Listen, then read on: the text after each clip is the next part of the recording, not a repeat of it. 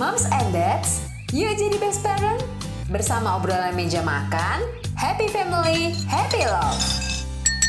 Hai Moms and Dad, kembali lagi di tips dan trik mengenai dunia parenting dan rumah tangga yang dilansir dari tiga artikel terbaik Nakita.id minggu ini bersama aku Ana. Tiga topik yang akan dibahas di episode ini adalah obat rumahan untuk bayi yang sakit, sesak nafas saat hamil dan pentingnya tas bersalin. Tapi sebelumnya Moms dan Dads jangan lupa ya buat follow dan beri rating terbaiknya buat podcast obrolan meja makan di Spotify dan jangan lupa juga nyalakan notifikasinya supaya moms dan dads bisa terinfo setiap ada episode terbaru yang tayang setiap Senin dan Kamis.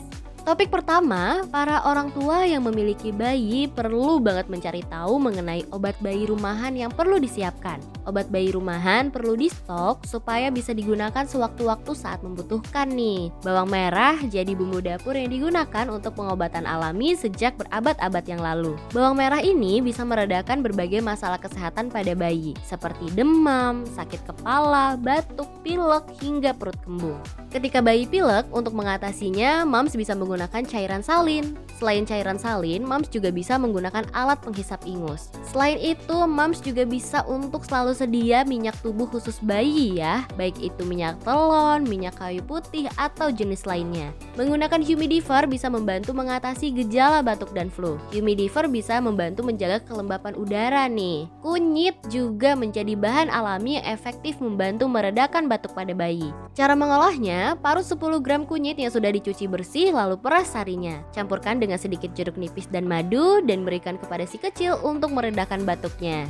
Topik selanjutnya, keluhan yang mungkin terjadi pada ibu hamil salah satunya mengalami sesak nafas. Saat mengalami sesak nafas saat hamil, sebaiknya jangan langsung panik ya mams. Mams bisa mencoba mengatasinya dengan menyangga diri menggunakan bantal tambahan atau istirahat sejenak. Melansir dari Baby Center, cobalah kiat-kiat berikut ini untuk meredakan sesak nafas saat hamil. Yang pertama, jangan memaksakan diri terlalu keras saat sedang beraktivitas. Cobalah duduk tegak dan pertahankan bahu ke belakang, terutama ketika duduk. Ini dilakukan agar memberi paru-paru ruang sebanyak mungkin untuk mengembang. Topang diri sedikit dengan beberapa bantal tambahan saat berada di tempat tidur pada malam hari. Angkat lengan moms di atas kepala karena ini akan menghilangkan tekanan dari tulang rusuk sehingga moms dapat menghirup lebih banyak oksigen. Cobalah untuk tetap bersabar agar tetap merasa nyaman.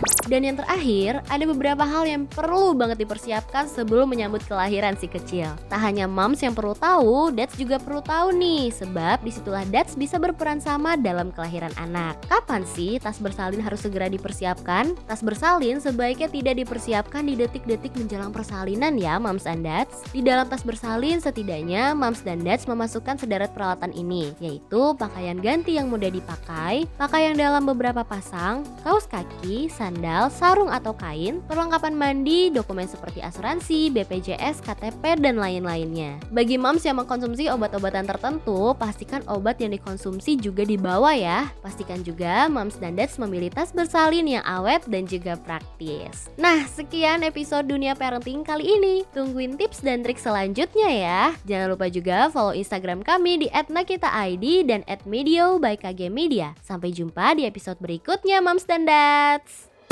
Thank you for listening moms and dads. See you on the next episode. Happy family, happy love.